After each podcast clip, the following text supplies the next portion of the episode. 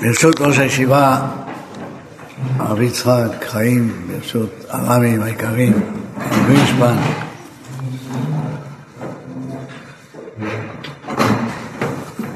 הרב קניגסברג, יש פה עוד רמים? אה, הרב צדוק, מי פה עוד נמצא? טוב, המטרה של השיחה הזאת היא בעצם לנסות לחשוב איפה אנחנו נמצאים, מה עובר עלינו. מה זה הדבר הזה, המוזר הזה?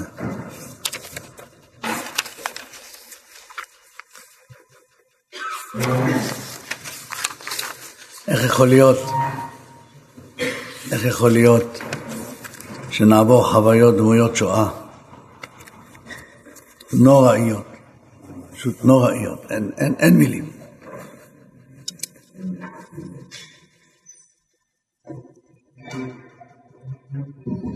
מאיפה זה בא? אז היו שני מאמרים אה, בעיתון עולם קטן, אחד לפני שבוע, שבועיים, אחד לפני שבוע, כמה ימים, שבוע. הכותרת, מי עשה לנו את זה? זה הכותרת. עכשיו, המאמר הראשון היה אה, עם הרב שמואל אליהו, והמאמר השני הרב ארלה הראל, מפורסם.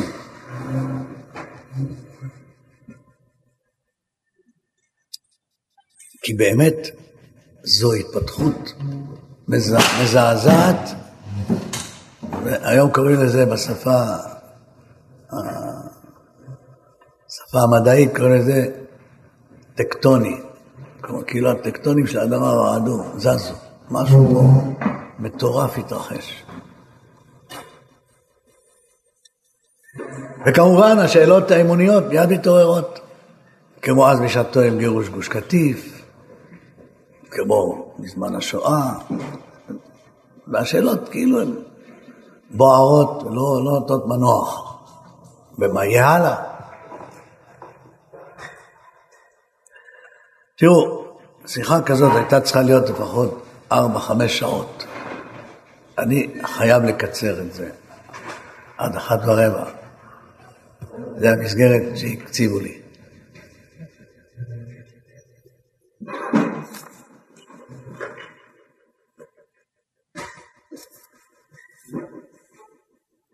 אז מה נגיד? חלום בלא פתרון.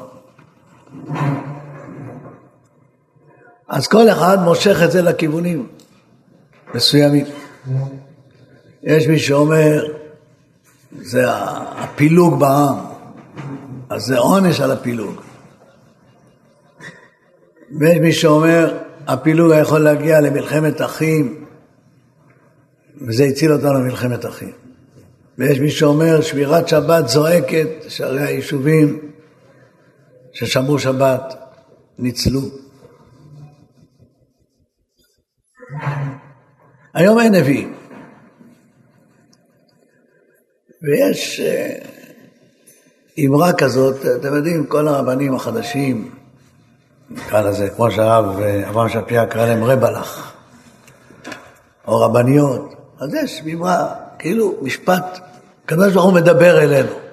שמעתם את המשפט הזה? או-הו.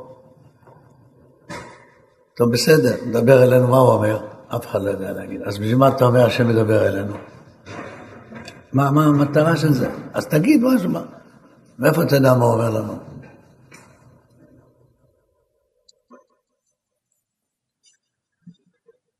כל זה מביא אותנו למחשבה, אם הקדוש ברוך הוא מדבר אלינו, בוודאי הוא מדבר אלינו, מה זה מדבר אלינו? מאפשר דבר כזה נוראי שיתרחש, אז הלא דבר הוא. אז אם אין נביאים, או אין נבואה, או אין רוח הקודש, חייב להיות משהו שמאיר את עינינו, שהוא ברור. שעליו אין ערעור. וזו המציאות.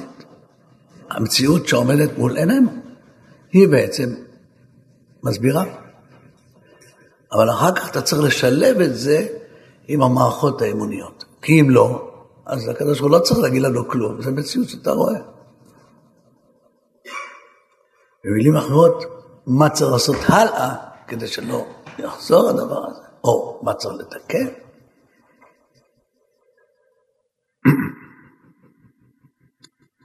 אז התמזל מזלי,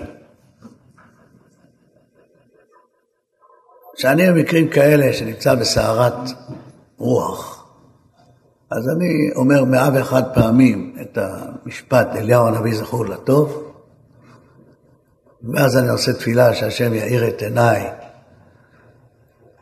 לנסות להבין יותר טוב את המציאות, ואז או שאני רואה פסוק, או שעולה לי פירוש, תוך כמה דקות, לפעמים זה חצי שעה. כאילו משהו ממלא לי את כל המחשבה. אז כך זה היה, ואז בא פסוק אחרי חמש דקות, עשר דקות, ומילא לי את כל המחשבה. הפסוק היה, ואם לא תורישו את יושבי הארץ מפניכם, והיה אשר תותירו מהם לסיכים בעיניכם ולצידים בצדיכם וצררו אתכם על הארץ אשר אתם יושבים. במדבר פרק ל"ג פסוק נ"ה. ושמחתי מאוד על הפסוק הזה. מדוע שמחתי? כי זה היה כאילו הארה אבל מחוברת אל המציאות. כלומר, אם אני אגיד את זה, כולם יבינו את זה, גם בלי שאני אגיד אליהו הנביא זכור לו טוב.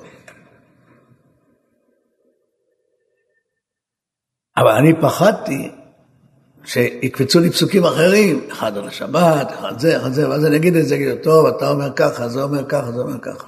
אבל כאן קפץ לי פסוק שהוא בעצם גם מתאים למציאות כמעט אחת לאחת. אלא מה? מה, מה זה מוסיף? כי אם אתה עושה ניתוח צבאי, או ניתוח מדיני, או ניתוח היסטורי, אז אני יכול להגיד, בסדר, בסדר, כל אחד עושה אה, תובנות משלו והפקת לקחים. האם זה שייך לעולם המצוות? האם יש בזה עוון או עונש? האם זה קשור לנושא הזה? התשובה כן. זה לא רק ניתוח היסטורי, אלא זה גם מתקשר עם מושגי העוון והזכות והעונש, כן? עכשיו ככה, יש פה הרבה נושאים. למה אמרתי זה לוקח ארבע, חמש שעות? כי זה נוגע לשאלת היסוד. שיבואו כאלה ויאמרו, אנחנו צריכים ללמוד תורה והשם יגן עלינו. לא לומדים תורה, השם לא מגן עלינו. שמה צריך צבא? זו שאלה אחת בכלל גדולה. עוד פעם, תמיד אפשר לשאול את השאלות האלה, אבל כשקורה דבר כזה, אז יבוא מישהו ואומר, הנה הצבא ששמחת עליו. יצא קורא עכביש, כמו שאמר נסראללה. כלום. אין צבא, אין כלום. איך יכול להיות? שבע שעות, אין כלום. אין טנקים, אין רגלים, אין מסוקים, אין מטוסים. כבר ידעו את זה. עשר דקות לוקח למסוקי קרב להגיע, למה לא הגיעו? אף אחד אין לו תשובה לאף אחד לשאלה הזאת. עד היום. אפשר כל מיני ספקולציות להגיד, אבל עד שלא יהיה חקירה אמיתית להבין מה קרה, אי אפשר לדעת. אי אפשר להאמין שדבר כזה יכול להיות. איך גדר שהשקיעו בה מיליארדים, שהיא מזהה ממרחקים כל דבר, פתחו בה 15 פרצות, וחדרו שלושת אלפים מחבלים, והגיעו לבתים, ולא היה, אין, אין צבא, אין, אפילו הם נדהמו, חשבו שמישהו מחכה להם באיזשהו מקום, כלום. מה זה? אז יבוא מישהו ויגיד, אתה רואה? זה לא הצבא שמגן עליהם, זה הקדוש ברוך הוא שמגן עליהם. אוקיי, אז מה אתה רוצה לומר? לפרק את הצבא? ואז כן? האם זה נכון מבחינה אמונית? הן משוכחות? זו שאלה אחת. שאלה שנייה, מאיפה צומח הרוע הזה? מאיפה צומח הדבר הזה? ואז בא הרב שמואל אליהו ואמר, הביא את הפסוק, היא לא תוריש את יושבי הארץ, אבל הוא לא אמר את זה אחרי מאה ואחת פעמים, זכרו לטוב. אני שיבחתי אותו בטלפון, אמרתי לו, הגעת לזה גם בלי להגיד מאה ואחת פעמים. אבל יש לזה כאילו איזו מחשבה רציונלית. מדוע? כלומר, מידכם הייתה זאת לכם, אנחנו, אנחנו אשמים. ולא השנה הזאת, אלא לאורך זמן. ואז זה יצר מחשבה כאילו עכשיו שמואל אליהו מדבר רק על המציאות הארצית. והפורענות הנוראה הזאת, היא באה בגלל שלא, כאילו, כאילו זה לא בא מאת השם, אלא אנחנו אשמים. ואין איוולת אדם צלב דרכו, ועל השם יזפני. ואז בא הרב הר להראל, ואני אגיד לכם חלק ממה שהוא אמר, וזה כתבו את זה פה כ... ככותרת כזאת. תקשיבו טוב.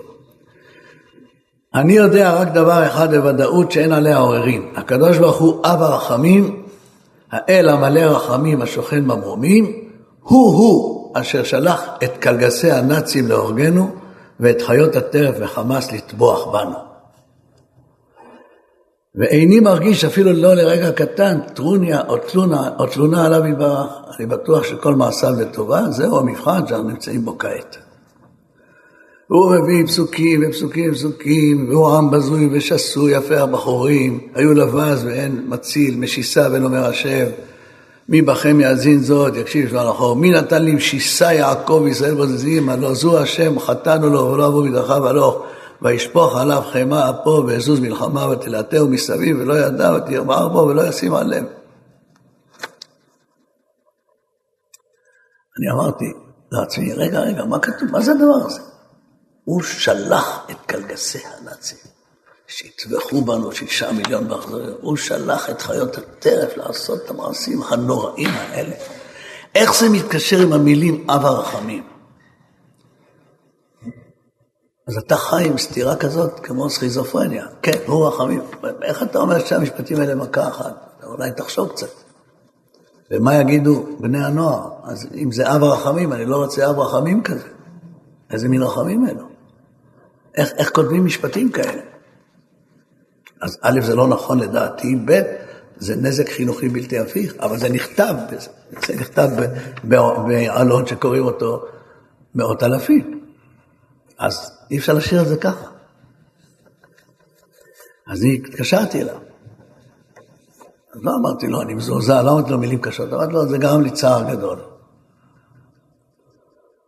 ואז הוא, מה פתאום, למה זה לא, זה נכון, וכך הוא מתעקש, עומד על דעתו, ואני מביא לו נקודה אחת, נקודה שנייה, הוא אומר לי, לא, אבל זה פירשתי כך, אתה לא ראית את כל המאמר, שלח לך את כל המאמר, שלח לי את כל המאמר, באימייל.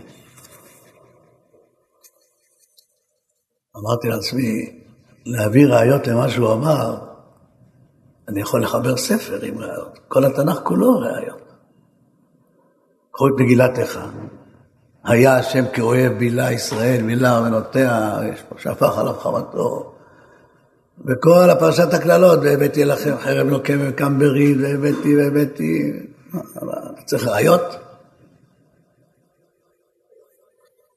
זה לא עניין של ראיות, זה עניין של להבין מה כתוב. לא להביא ראיה, להבין מה כתוב. אז אתם מבינים שיש לנו כאן משימה רחבה יותר מאשר, עוד לא רק שאלתי את השאלות, עוד 25 דקות, אבל אני אנסה לצמצם.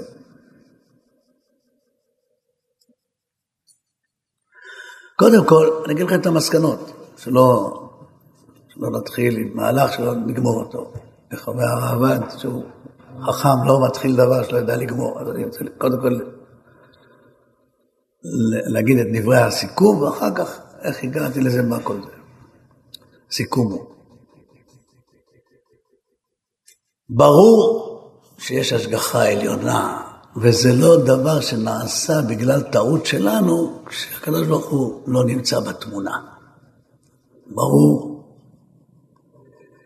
אבל יש הבדל עצום בין אם אתה אומר שהקדוש ברוך הוא שלח את קלגסי הנאצים לטבוח בנו, הוא שלח את החמאס, את הדאעש, את, את הגרועים מחיות, את המפלצות האלה לעשות מה שהם עשו דברים.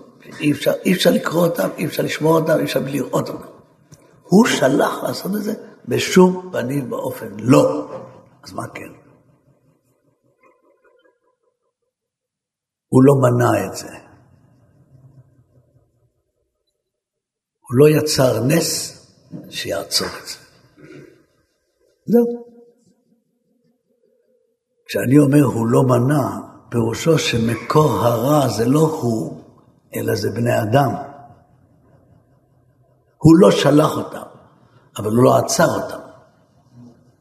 מי פתח את הדרך? אנחנו. כלומר, אנחנו הבאנו על עצמנו את הרע, אנחנו הבאנו לעצמנו את הטרור, והקדוש ברוך הוא לא מנע את זה. ההבדל שמיים וארץ. כי אז נגד מי אתה נלחם? נגד מי ששלח קלגסים, או אתה נלחם נגד הקלגסים? אז יש לנו שאלה על הבורא, מדוע הוא לא מנע את זה? במילים אחרות, אני עושה שטויות דקה אחרי דקה במשך 30 שנה, ואני שואל את השם, למה לא מנעת אותי? למה לא עצרת אותי מהשטויות שלי? זה שונה. ועל השאלה הראשונה, זה התשובה חד משמעית. סוס מוכן ליום מלחמה ולהשם התשועה. מה פירוש הדבר הזה?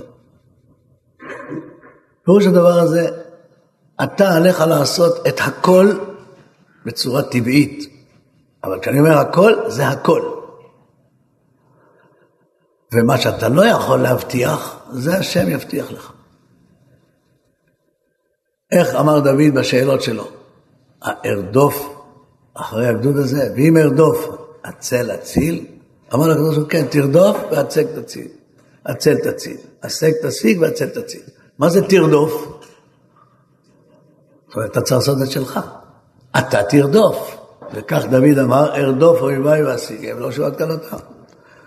אבל הקדוש ברוך הוא מבטיח לו שאתה תציל את השבויים. הרי שם נשבו, כל, כל, כל המחנה נשבע, ונשות דוד, וכולם בכו, והייתה נפשם מרה על דוד, רצו לסקול אותו.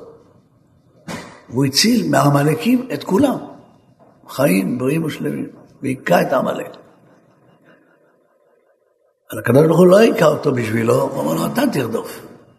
כן, תרדוף ותשיג. אז תרדוף, כי אתה מסוגל. אבל הראיה הבולטת היא כיבוש יריחו. איך החומה נפלה? עם אלה ברזל? לא, כי לא היה להם אלה ברזל. אז איך יפילו חומה? ענקית, ברחבה גבוהה ורחבה. רק על ידי נס, מעשה אלוקים. איך? תוקעים השופרות ומסתובבים. הקפות, שבע הקפות. והחומה נופלת תחתיה. הקדוש ברוך הוא עשה נס עצום, אז למה לא המשיך את הנס ופגם בכל מי שהיה בתוך יריחו? החומה נפלה, שיפלו גם הם על הארץ, כולם מתים, כולם ייכנסו, לא כך היה. החומה נפלה, והם נכנסו ונלחמו איש כנגדו, מלחמת פנים אל פנים. מה זה אומר? שמה שאתם לא מסוגלים, אני אעשה עבורכם. זה עשייתא דשמיא. ומה שאתם מסוגלים להילחם, תילחמו, ואני אסייע לכם תוך כדי מלחמה. אבל מה שעליכם לעשות, תעשו. אני לא אלחם בשבילכם. אני אפיל את החומה במקומכם, כן. כלומר, על השאלה הראשונה ששאלנו מה הצבא, עובדה הוא כשל, אז מי צריך צבא? תשובה, סליחה, צריך גם סייעתא דשמיא, צריך גם את הפעולה הצבאית, ופקדו שרי צבאות בראשה. עכשיו על השאלה, מה, איך נוצר רוע, איך נוצר דבר כזה. או במילים אחרות, אם השם הוא מקור הטוב, מאיפה יוצא רוע? אנחנו יודעים, יוצא מן הטהור טהור, משנה מפורשת. לא יוצא טמא מטהור. יכול לצאת טהור מטמא, אבל לא טמא מטהור. אז מאיפה, מאיפה, מאיפה הגיע הרוע לעולם? האם השם עשה את הרוע? תשובה, לא. אז מה? אל אחר עשה את הרוע? לא. אז מי? ישעיהו הנביא עונה, יוצר אור ובורא חושך, עושה שלום ובורא רע, אני השם עושה כל אלה. הנה, אז כן. מה, הקדוש ברוך הוא עושה רע? התשובה לא, הוא בורא רע, הוא לא עושה רע. מה ההבדל? זה הרמב"ם אומר, פרק חלק שלישי, מורה נבוכים, פרק י'. הרע הוא תוצאה של מעשה השם, הוא לא מעשה השם. אז מה זה בורא רע? יוצר את התנאים להיווצרות הרע, הוא לא עושה אותו ישירות. בדיוק כמו שאמרתי לכם מקודם. הוא לא שלח את הקלגסים, אבל הוא לא עצר אותם. הקלגסים נוצרו כתוצאה ממהלכים שבני אדם יצרו, כמו שקר. השם עשה שקר? לא, שם אמת. בני אדם יצרו את השקר. כל זה נוצר בעקיפין. זה התוצאה הסופית, אם לא נעבור את כל השלבים. אז שלא תצאו מכאן, תבינו מה דעתי, אני אומר שוב, זו דעתי. אתם יכולים לחשוב אחרת, מותר לכם. אז נתחיל אם מידכם הייתה זאת. אל תבואו בטענות אל הקדוש ברוך הוא. הישא ביקם פנים, אמר השם צורות. כלומר, האם השם ישמע לתפילותיכם אחרי מה שאתם עושים לעצמכם?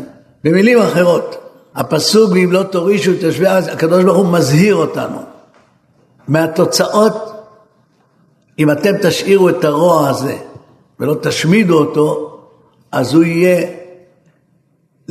לסיקים ביניכם ולצנים בצדכם וצררו אתכם על הארץ כל הזמן. כי אתם לא מבצעים את מה שעליכם מותר, עליכם אתם מצווים לעשות, מה שעליכם מוטל לעשות. אתם צריכים להשמיד את הרוע, אחרת הוא ישמיד אתכם. אל תגיעו לברית עם נחשים ארסיים. אין דבר כזה, נחש ארסי הוא יקיש אותך, כל ברית שתעשה איתו הוא יקיש אותך. אז אנחנו עושים את זה כבר שלושים שנה. במקום להילחם בחמאס, מלחמת חורמה, גירשנו עשרת אלפים איש מבתיהם, ואין ספק שגם העוון הזה שורה וממשיך להכות בנו. כמו נוב עיר הכהנים, שנמשך, העוון הזה גרם עונשים מתמשכים לאורך הרבה זמן. ואין ספק שגם זה היה פה, גם זה שיחק משחק. העוון הפשע הזה. לגרש יהודים, להחריב את בתיהם ולמסור את האדמה שלנו לידי הנחש הארסי, ולקוות שיהיה בסדר.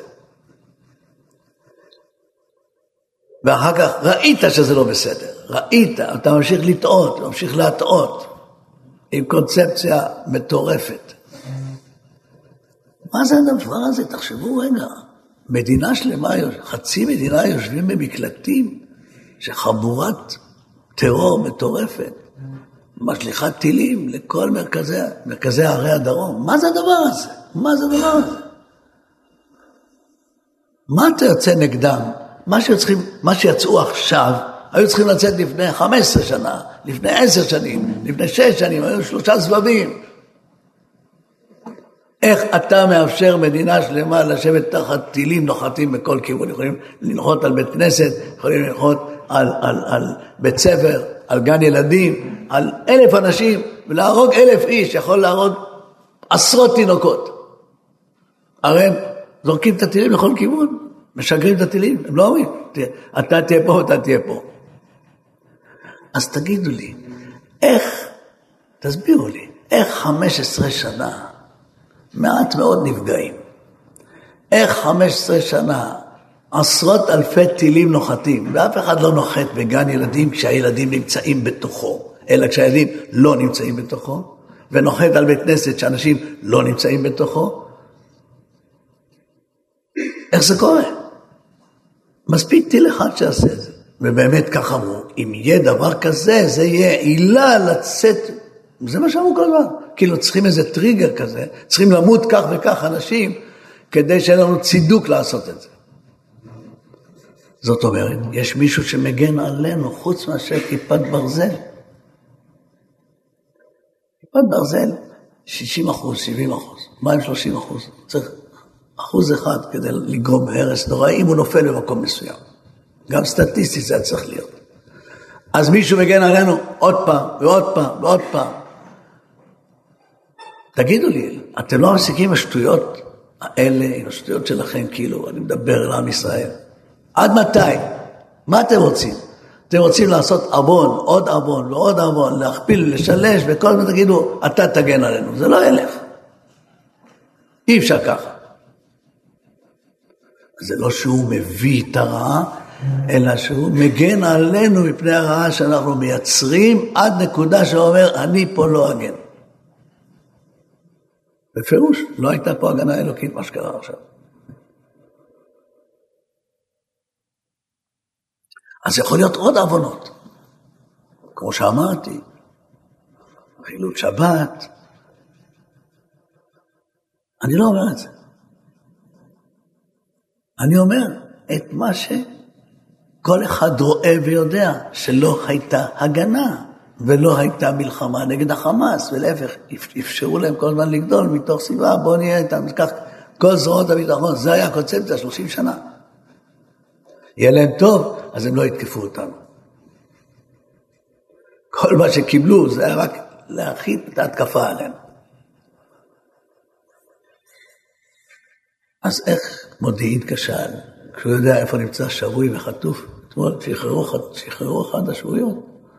אם אתם יודעים כל זה, אתם יודעים לפגוע בחלון שמאלי, בקומה שנייה, בקומה שלישית, כי שם מתאספים שלושה מנהיגים ביחד. אתם לא רואים שנה שלמה שהם מתכוננים להשמיד את ישראל? תוכניות אופרטיביות מסודרות. אתם לא רואים שהפועלים האלה שבאים לכאן עשרות אלפים, הם חוזרים עם תצלומים של כל הבתים? אתם מודיעים, כלום, שום דבר, אפס. נשגב מבינתי.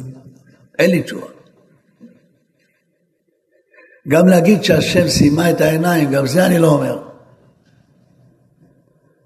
אני יכול להגיד, הגאווה והיהירות של אנשי הצבא, אנחנו יודעים, אנחנו זה, זה הקונספציה, זה לא כך, זה תרגיל, הם עושים את זה בשביל זה, כלומר מפרשנים את המציאות לפי דעתם, כי הם לא יעזו לתקוף את ישראל, כי ישראל זה צבא החזק ביותר בעולם, והם כנופיות. לכן מותר לנו לוותר להם. זה הקונספציה. כל האלופים ככה יוצא, רמטכ"לים. מעירים ראש המאמן בשעה שלוש בלילה, אומרים, הם נכנסים לגדרות. הוא אומר, מג'נונים, ממשיך לישון. מה זה? מה זה? זה לא יהירות? כן, אני יודע יותר טוב ממה שאתם יודעים. אבל הנושא הזה של להכין מלחמה יחד עם תפילה, לא זה לחוד ולא זה לחוד. זה קורס וזה קורס. הרי אנחנו יודעים היום בפשטות שאם בשבת באים עלינו אויבים, מותר להילחם נגדם, אפילו התבן וקש, בשבת. אבל פעם זה לא היה כך, פעם נטבחו מאות אנשים במערה כי לא רצו להילחם בשבת. וזה היה העילה לחכמי ישראל לומר, לא, תילחם בשבת. זה כל הסיפור של סנדל המסומר, שגזרו שלא יצאו, כי כולם נכנסו למערה, ואחד יצא ואחד נכנס, הכירו בהם אויבים והרגו אותם. זה היה בשבת, הם לא נלחמו. כלומר, עוד פעם, מין תפיסה כזאת שרק נשב ונתפלל והכל יהיה בסדר. היה בית כנסת אחד, שנשמעה אזעקה, כולם ירדו למקלטים. היה ציבור עצום מתפלל. ונפלה הפצצה לתוך בית הכנסת, הרסה אותו, ואף אחד לא נפגע כי כולם ירדו למקלטים. הם לא המשיכו להתפלל ואמרו, הפצצה לא תפגע בנו, כי לא תפגע במקום של תפילה. עוד פעם, הם חשבו, נכון? התורה אומרת, כי תצא למלחמה על אביך וראית סוס ורכב, העם רב ממך. אומרים חז"ל, מה הם יוצאים עליך בסוס ורכב? אף אתה תצא עליהם בסוס ורכב. מה זאת אומרת? הם באים עם טנקים. ואתה עם מה תצא עם אקדחים? תגיד, כן, כתוב השתדלות. הנה השתדלתי, שמתי אקדח. אז אני אהיה רק כדור והשם יהפוך את זה לפצצה. מה, מה זה? מה דברי ההבל האלה? זהו נקרא השתדלות. השתדלות פירושו תעשה כל מה שאתה יכול. במאה אחוז. מה שמעבר למאה אחוז שאתה לא יכול, אני אעשה. רב ממך. אין לך רב, מה תעשה? תכפיל את הילודה בתוך יומיים? מאיפה תביא עם רב? אז אני אעזור לך, לא תירמה. אבל אתה יכול לצאת בסוס ורכב, יש לך כסף לקנות, אם אין כסף לקנות זה גם משהו אחר, אז אין לך, אבל אם יש לך, תקנה. אל תסתמך על סייעתא דשמיא במה שאתה יכול לעשות, זה המסר. מפורש. הקדמה לאחר רבתי, כתוב שם. דוד אמר, ארדוף אויביי ואשיגם. אמר לו הקדוש ברוך הוא, אני עושה כן. עמד עשה ואמר, מלך יהודה, אני אין לי כוח להרוג להם, אלא אני רודף אותם ואתה עושה. אבל אני רודף. אמר הקדוש ברוך הוא, אני עושה. שנאמר, וירדפם עשה, כי נשברו לפני השם. לפני השם, לפני מחנהו, לא לפני עשה. עמד יהושפט מלך יהודה אחרי הזמן. אני אין לי כוח לא להרוג ולא לרדוף, אבל אני יכול לשיר. אני רוצה את השיר. ובעת החלו ברינה ותהילה, נתן השם הערבים על המון אומה בהר שעיר. הם רק שרו. עמד חזקיהו ואמר, אני אין לי כוח. לא להרוג, לא לרדוף, אפילו לא לומר שירה. אז מה אתה יכול לעשות? הוא אומר, אני ישן על מיטתי ואתה עושה. אמרנו, בסדר, אני עושה. שמע ויהי בלילה ההוא ויצא מלאך השם והמחנה השוב. מה, מה מלמד אותנו המדרש הזה? סיפור יפה? נחמד? לא. מה שהמדרש הזה אומר לנו, שהקדוש ברוך הוא פועל במקום שאתה לא יכול, לא במקום שאתה יכול. אם דוד המלך היה אומר, אני ישן על מיטתי, הקדוש ברוך הוא אומר לו, קום, מה אתה ישן על מיטתך? לך תרדוף, אתה משחק משחקים? תראה איזה כוח נתתי לך, תראה איזה עוצמות נתתי לך. תרדוף ותשיג ותהרוג ואני אסדר, אני אהיה איתך. חזקיה אמר, אני לא יכול, לומר לקדוש ברוך הוא, אתה צודק, אני רואה שאתה לא יכול.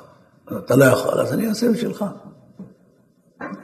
זאת אומרת, בעצם המדרש חז"ל מלמדים אותנו כאן, שמה שאתה יכול לעשות, השם לא יעשה בשבילך.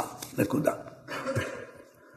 או במילים אחרות, אם אתה יושב ליד צלחת מרק, ויש לך כפית, ואתה אומר, בוכה מדמעות שליש, שבוע ימים בצם, שהקדוש ברוך הוא ייתן לך, יביא את המרק לפיך, הוא לא יביא את המרק לפיך. וכשתעלה לשמיים ושאל את השם, למה לא עזרת לי? הרי התעניתי והתפללתי, לא, כן, עזרתי לך, נתתי לך יד, נתתי לך מוח, כל, עניתי לך, אתה לא השתמשת במה שנתתי לך. בשביל מה נתתי לך את זה? כלומר, נתתי לך כוח לפעול, זאת התשובה של הקדוש ברוך הוא. אתה לא משתמש במה שאני נותן לך. אז יש לך בעיות. אתה לא מבין באמונה כלום. אתה כאילו מכריז ואומר שכל מה שנתתי לך זה לבטלה. אתה לא משתמש במה שנתתי לך פה, שום מה שנתתי לך זה לבטלה. אני לא עושה שום דבר לבטלה. תגידו אתם, אתם יכולים לשבת עם גמרא סגורה ולבקש שהקדוש ברוך הוא יאיר את עיניכם, שתדעו כל מה שכתוב בה? יגיד לכם הקדוש ברוך הוא, תפתח, ללמוד אתה יכול, תלמד. זה לא יבוא מאליו. למה? כי נתתי לך את כל הדרכים כדי להגיע ללמוד תורה. מה שאתה לא מסוגל, אני אאיר את עיניך. תגיד מאה ואחת פעמים זכור לטוב, אני אאיר את עיניך. אבל מה שאתה מסוגל להגיע לזה, תגיע לזה. תשקיע, תתאמץ, תעשה את מה שמוטל עליך. אל תחכה לסיוע אלוקי עד שאתה לא תעשה את הכל.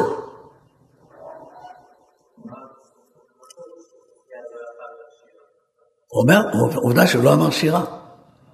הוא לא אמר, תראה, אני, תראה, אני אומר לך מה שכתוב, יש לך קושייה על המדרש, לא עליי. המדרש אומר שהוא אמר, אני לא יכול לשיר. אז תשאל את המדרש. הוא אמר, אני לא יכול לשיר, הוא לא מסוגל. היה במצב של דכדוך הנפש, שלא יכול גם להגיד שירה. איזה שירה אני אגיד כאשר סנחריב מחרף ומגדף, אה, אלוקים חיים, עומד על החומה, וכל העם פוחד. לא, מי יכול להגיד שירה ככה? אדם נמצא במקלט, יכול להגיד שירה? בורח מהטיל שנופל עליו, תגיד שירה עכשיו. איזה שירה? אז הוא היה במצב כזה, מה לעשות? אני לא, אני לא הייתי במקום שלו, אני רק אומר מה שכתוב, מה חז"ל לימדו אותנו. אוקיי. עכשיו טיפה על הרוע. איפה זה בא? אני אגיד בקצרה. תסתכלו על התורה. ואני אומר משפט כזה, בתורה יש צופנים, קודים, שהיא מגלה לנו אותם. ואומרת לנו, אתה רואה את הצופן הזה? תלך איתו לאורך כל כתבי הקודש. כל מקום שאני אגיד כך, זה הפתרון. אתה לא צריך להביא אלף ראיות. איזה אלף ראיות? כל מילה שכתובה, זה הפתרון שלה. כל פרשת בראשית כך היא. התורה מתחילה עם הכל טוב. והיה להם כי טוב, והיה להם כי טוב. אחר כך והיה להם כל אשר עשה, והנה טוב מאוד. מדהים. איך היא מסתיימת הפרשה? וירא השם כי רבה ראה את האדם בארץ, כל מחשבת דיברו רק רע כל היום, ויאמר השם ימחה את האדם. תגידו לי, איך מבריאה שהתחילה עם טוב מאוד, הגענו אל רע מאוד, כל היום כולו. מה? תראו, פרשת בראשית, איך היא מתחילה, איך היא מסתיימת, מה קרה פה? מאיפה זה בא? אז התורה כבר ביום הראשון אומרת, ויקרא אלוהים לאור יום ולחושך קרא לילה. היא לא אומרת, ויקרא אלוהים לחושך לילה ולאור קרא יום. הצירוף של שם אלוקים הוא עם האור ולא עם החושך. ויקרא אלוהים לאור יום. ואחר כך לחושך קרא לילה. אפשר להפוך את המשפט הזה, כמו שאמרתי, ויקרא אלוהים לחושך לילה ולאור קרא יום. זה מבחינת תחבירים. אומר המדרש, אמר רבי אלעזר, מכאן שאין הקדוש ברוך הוא מייחד שמו על הרע. אתם שומעים את המשפט הזה? זה משפט מפתח לכל כתבי הקודש, כל התנ"ך. מה זה אומר?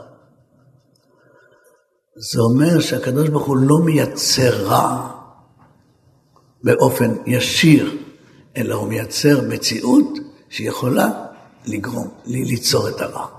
הוא אחראי להמשך הדרך שבה ייווצר הרע בשביל הבחירה החופשית. אבל הוא לא יוצר את הרע, הוא לא מביא את הרע. בדיוק כמו השקר. הרמב"ם מוסיף לאור יום כי האור הוא דבר ממשי והחושך הוא היעדר אור. וכך הרמב"ם מסיים שם, והרע הוא היעדר דעת אלוקים. כשאין דעת אלוקים אז זה רע, הוא מביא ראיה. לא יראו ולא יחשידו בכל הרע חודשי, כי מלאה הארץ דעת השם. אם יש דעת השם, אין, אין, אין רוע. אז השם הוא מייצר דעת השם, אבל יש מציאות של חוסר. עכשיו תראו, אחרי שהכל טוב מאוד, פתאום צץ לו לא טוב. מאיפה זה בא? ויאמר אלוהים, לא טוב היות האדם לדור, זו פרשה שנייה. ויאמר השם אלוקים, לא טוב היות האדם לדור, אעשה לו עזר כנגדו. פתאום נזכר לא טוב. אחרי שהוא ברא את האדם, מה הוא מדריך אותו? אומר לו, מעץ הדעת טוב או רע, לא תאכל ממנו. פתאום נזכר המילה רע. אתם רואים איך לאט לאט? מהטוב מאוד נהיה לא טוב, ומהלא טוב נהיה רע. הנה, הנה, הנה יציאת הרע. עכשיו תראו.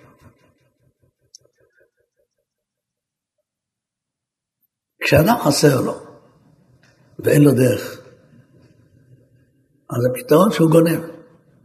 אפילו משלי אומר, לא יבוזו לגנב, כי, כי רב אין לו לאכול לחם. כלומר, החוסר מביא לגנבה, לגזלה, לרוע, אבל לא רק זה. זה יכול להביא גם להזקה, להזיק וגם לרצוח. כלומר, לא רק שאדם משלים את חסרונו, אלא הוא אומר, אם לי לא יהיה, גם לך לא יהיה, גם לי, גם לך לא יהיה, הרוגו, ככה אמרה האישה הזאת. משפט שלמה. כלומר, תחושת החיסרון לא רק מביאה להשלמתו, אלא להכות ולהזיק את מי שיש לו. כי לי אין, גם לך לא יהיה. וכשאדם אין בו נשמה ואין בו נפש, והוא איבד את זה, אז הוא מוכן גם לרצוח. אם לי אין נפש, גם לך לא יהיה נפש. ראינו את זה במחלת האיידס הנוראה, שהיו אנשים חולים, הדביקו את כולם. אם אני אמות מאיידס, גם הוא ימות מאיידס. אתם מבינים מאיפה הרוע בא? הרוע בא מהחוסר. אבל יש פעמים שאין חוסר, אבל יש חוסר מדומה. כאילו חסר. גם זה מספיק כדי להזיק ולהרוג ולעשות כל הדברים הנוראים בעולם. מה הם? איך זה נוצר חוסר מדומה? הקנאה והתאווה והכבוד. אתה מקנא במישהו, יש לך, אבל למה הוא יש לו יותר? זה חוסר מדומה, לא חסר לך כלום. התאווה, מוצא פי אלף יותר מה שהוא יכול. מתאווה, מתאווה, מתאווה. זה חוסר מדומה. הכבוד גם, אתה חושב שמגיע לך, אתה מלך העולם, ואם אתה לא יעשו מה שאתה אומר, אז אתה מתחיל להרוג ולרצוח. זה נקרא חוסר מדומה. כל זה מביא את הרוע. איך נוצר חוסר? איך נוצר חוסר? על ידי זה שאתה נותן ואחר כך אתה מפסיק לתת. תנסו, תן למישהו, לבן שלך, למישהו אחר, כל יום מתנה. אחרי שלושה חודשים אתה מפסיק. אה, מספיק, נתתי. במקום לקבל הכרת הטוב על כל מה שנתת, יהיה עליך כעס למה הפסקת.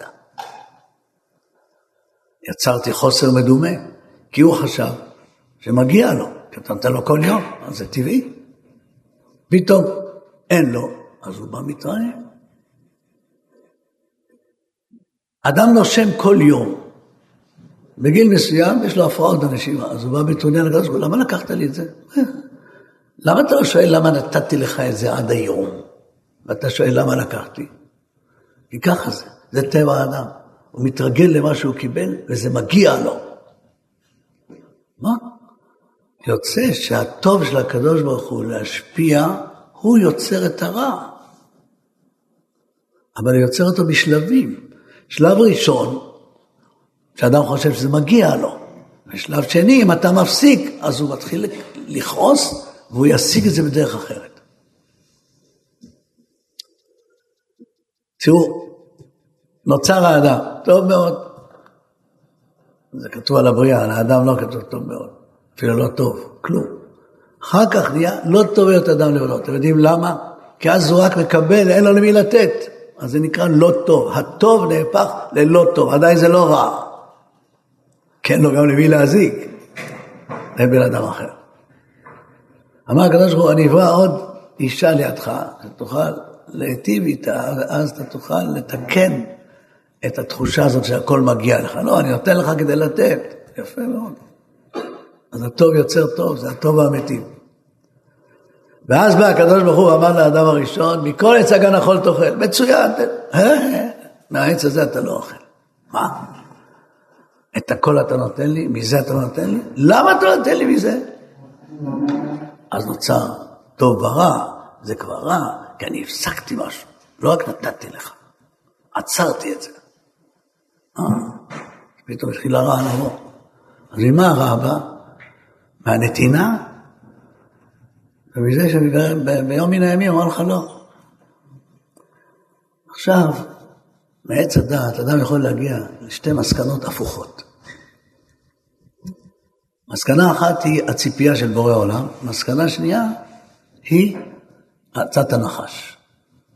מסקנה ראשונה, הקדוש ברוך הוא אוהב אותי, הוא נתן לי כל עץ הגת. וגם זה שהוא אמר לי, אל תאכל מהעץ הזה כי הוא אוהב אותי, הוא רוצה שאני אחיה לעולם, אם אני אוכל מהעץ הזה אני אמות. אני צריך לאהוב אותו בחזרה, גם על מה שהוא נתן לי וגם על מה שהוא לא נתן לי. כי הוא דואג לי. מה הנחש אמר לו?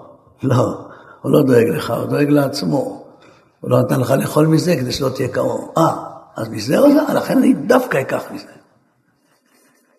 כלומר, איזו תאווה יכולה לצאת מזה שעוצרים אותך? האם השם הביתיך בלילה? כלומר, אתה מתאבל להתחבר עם בורא עולם שנתן לך את הכל, וגם כשהוא אסר עליך, זה לטובתך? או שאתה מתחבר לנחש שאתה אומר, נתן לי, זה שלא נתן לי, זה דואג לעצמו, אני אקח את זה בכוח. ואז אני מורד, אדם מורד בקדוש ברוך הוא.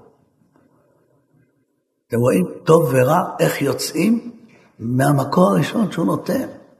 עכשיו אתה מבין מה זה אין דבר רע יורד מלמעלה, אין דבר טמא יורד מלמעלה, אין דבר רע יורד מן השמיים. זה כתוב בסנהדרין, זה כתוב במדרש. כי לא מלמעלה הוא יורד, הוא נוצר כאן.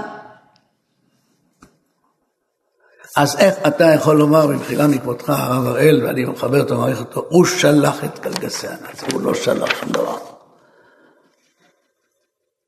הוא לא שלח את מחבלי החמאס, אתה פתחת את הדלת, אתה נתת להם, אתה גידלת אותם ואתה הבאת אותם. והוא הגן עליך כל הזמן הזה, עכשיו הוא לא הגן עליך. כן. אבל הוא לא שלח. אתה יצרת את הרע והוא הגן עליך מפני הרע. כל המצוות כולם, מה הם? תיזהרו, יש רע סביבכם. אז אני נותן לכם עצות להגן על עצמכם. איך הגמרא אומרת שהמזיקים סובבים אותנו ככיסלע לאוגיה, יפול מצדך אלף ובא מיניך, אליך לא ייגש, רק אליך תביא. היום אנחנו יודעים, חיידקים מלאים כל האוויר. כמה יש חיידקים בבית המדרש הזה, אתם יודעים? כי אין מספר. אל תספרו אותם. מספיק חיידק אחד, אחד, לא מיליארדי מיליארדים, כדי לחדור לגוף האדם, כדי לעשות בו שמות. אחד. מה עשה הקדוש ברוך הוא? ברא לנו אור. את האור הזה, אף חיידק לא יכול לחדור. אף אחד. אפילו לא אחד. אתה משחק בסכין גילוח. מכאן, מכאן, מכאן, מכאן, הופ, עשית חתך באצבע. מיד אלפי ומיליוני חיידקים מצאו את הפתח, נכנסים לתוכו להרוג את האדם. אומר הקדוש ברוך הוא לאדם, עשית שגיאה? אל תדע, אני אטפל בהם. יצר באדם חיסון, יצר באדם מח עצם ששולח כדוריות לבנות באלפים ולרבבות, והם הורגים את החיידקים. והם מוכנים 24 שעות ביממה, שבע ימים בשבוע, מאה שנה כל זמן שאתה חי. לא מפספסים אפילו שנייה. לא כמו שהיה בגדר, שעזבו אותה ככה, שהיא תיפרץ, שום דבר לא היה שיגן. אומר הקדוש ברוך הוא, אני, אני עוזר לך, בסדר, אני יודע שאתה יכול לשגות ולחתוך את הגדר של האור. אבל אני מזהיר אותך, אל תעשה את זה עוד פעם, תראה מה שנעשה, מה שנעשה. ואז האדם חותך את האצבע הזאת, חותך את האצבע הזאת, חותך ליד האוזן, זהו, כל הזמן מחכה, תגן עליי, תגן עליי, תגן עליי, הוא אומר לו, רגע, חביבי, מה זה? אתה מכניס את הזיהום לתוך עצמך, אז יש איזה רגע שבו הזיהום הזה גובר עליך, אני לא יודע, אני לא העבד שלך, אני לא משרת שלך לכל החיים, אני מזהיר אותך, ואני איתך, אבל יש גבול. זה מבשריך, זה לא. זה, אני לא צריך להביא לכם מקורות תורניים לדבר הזה, כל אחד יודע את זה, וכל אחד מבין את זה, ואף אחד לא יחלוק על זה. אז השם ברא את הנזק לאדם? לא. עכשיו תדעו לכם עוד יותר. אז ישאלו מי ברא את החיידקים. זה לא אנחנו. אבל אתם יודעים שבתוך כדור הארץ יש אש לוהטת באלפי ומיליוני מעלות כמו ליד השמש. איך יודעים את זה? מהתפרצויות הר געש. פתאום ברגע אחד נפתח כדור הארץ, אז רואים מה יש בפנים. מה מתפרץ מתוך כדור הארץ? אנרגיה וכוחות אדירים שמעיפים סילונים של סלעים אדירים לגובה של עשרות קילומטרים, עם אש ולבה, הכל שורף, הכל נשרף. אז למה עד עכשיו זה לא היה? כי הקדוש ברוך הוא הגן עליך. למה עשית את האש? כי בלי האש כדור הארץ היה מתפרק. כלומר, הכוח האדיר הזה הוא כדי שכדור הארץ לא יתפרק, כדי לשמור. והוא שמע על הקליפה של כדור הארץ שלא תתפרק, אבל צריך את האש וצריך את הקליפה. איך הגמרא אומרת? כל העולם כולו ככיסוי גדרה לגיהינום. כל העולם כולו כיסוי גדרה לגיהינום. אתם יודעים מה פירוש הזה? בכל גרגיר של חומר יש כוחות אנרגיה בלתי נתפסים. ורואים את זה בפצצה גרעינית. כי בפצצה גרעינית משתחררת האנרגיה הקפואה בתוך החומר. ואז רואים מה יש בתוך כל החומר הזה. אנרגיה, כוחות אדירים. הקדוש הוא שומר עליך, שלא יתפרצו. האדם, גם הוא, בתוכו יש הר געש של חיות טרף. רק תן להם לצאת. הקנאה והתאווה והכבוד זה בתוך האדם בפנים, בתוך הנפש פנים, אבל הקדוש ברוך הוא עזר לך שתוכל להשתלט עליהם, שתהיה אדם נורמלי. אבל הוא נתן לך את הכוחות האלה כמו האש בתוך כדור הארץ כדי להפעיל את המערכת, אתה צריך אותם. אתה צריך להשתלט עליהם. אתה רוצה לראות אותם? לך תראה מה שעשו החמאס. מה זה? מה יש בתוך האדם? אריה, שור ונשר, זה המרכבן רייך יחזקאל. וזה נושא את האדם. ועליו יש רוח אלוקים. הוא עוצר אותם. אז תדע לך שמה שאתה חושב כרע בעולם, הוא בעצם הכוחות הגנוזים שמאפשרים, שבעצם יצרו את המציאות. יצרו את עולם החומר, יצרו את נפש האדם, יצרו את כדור הארץ, יצרו את הכל. אבל תשאיר אותם במקומם, תיזהר לא לפתוח פתח שהם יצאו. זה כל התורה והמצוות. שהחיות האלה שבגוף האדם לא יצאו החוצה. לא תגנוב, לא תנאף, לא תרצח. אתה צריך להתרגל לשמור את הכוחות האלה פנימה, כי אם לא תעשה את זה, זה יצא החוצה. אולי בשביל זה הקדוש ברוך הוא ברא חיות סביבנו, כדי שנראה מה יש בתוכנו. עכשיו הוא ברא גם את המפלצות האדם האלה. מה מביא אותם הדבר הזה? הכבוד. אנחנו נשלוט על העולם, וכל מי שלא יעשו נשמעתנו, נחסל אותו. זה מצוות האסלאם, הדת המכוערת הזאת, המזעזעת הזאת, אם מפרשים אותה כמו שהם מפרשים אותה. לא כולם מפרשים אותה כך. אבל הנה לכם. עברתי את הזמן ברבע שעה, אבל בסך הכל אמרתי את כל הפרטים. מה קרה לנו, למה קרה לנו, איפה המקומות של בורא עולם, איפה המקומות שלנו, מה אנחנו צריכים לעשות כדי שלא יחזור הדבר הזה? למה זה כל כך ברור? איפה מעשה השם מול מעשה, איפה אחריותנו, איפה אחריות בורא עולם, איפה אנחנו צריכים לשמור את עצמנו, איפה השם מסייע לנו. מי יצר את הרוע בעולם, מה זה רוע בעולם, איך זה נוצר, מה החלק הקדוש ברוך הוא ביצירת משהו שהוא בעצם מהווה את כל העולם, ואיך אנחנו גורמים לזה להפך לרע. הכל. שמתי לכם את הכל על השולחן.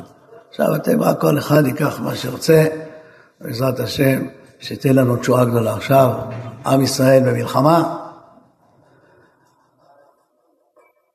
ואיך אני אמרתי? אני אמרתי, אחרי השגיאה הנוראה שעשינו, יש דרך תיקון, והיא להשמיד את הרוע. אם זה המטרה, ואם לזה הם הולכים, תהיה סייעתא דשמיא, אמרתי, ולא ימות אף אחד מהחיילים, כולם יחזרו לשלום. אם תהיה סטייה מה, מה, מה, מהמגמה הזאת, אז אני לא אחראי. להשמיד את הרשע, לא פחות מזה. וברוך השם, עד עכשיו כולם מחזיקים מהדבר הזה, גם ראשי הביטחון, גם ראשי המדינה, החיילים בוודאי, בעיקר המפקדים הגדולים, זה מה שחשוב פה, שלא, שלא יתבלבלו לרגע, בגלל לחץ אמריקאי או משהו כזה. כי אז השם איתנו.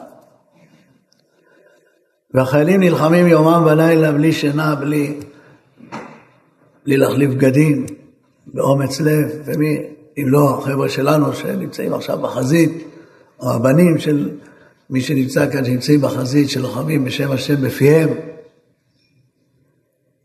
אנחנו, אנחנו משלימים את החלק של עשייתא דשמיא. החלק הזה הוא החלק של הלימוד, והלימוד המשותף, והלימוד העוצמתי, לא כל אחד לומד לעצמו, כולם ביחד. בבית המדרש, בשעות של בית המדרש, לא אחד לומד בשעה זו, אחד לומד בשעה זו, כולם יחד. כשמתפללים, מתפללים ביחד.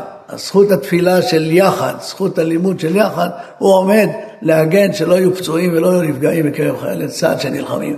כולנו מגויסים למטרת העל, להשמיד את הרשע מן העולם, כדי ששם השם יתגלה עלינו, וגם לתקן את המחשבות הפירוד שהיו בעם ישראל, ולחזור לשורשים שלנו. בשביל מה אנחנו, מי אנחנו, למה הגענו לכאן, מה היעד שלנו, האמיתי.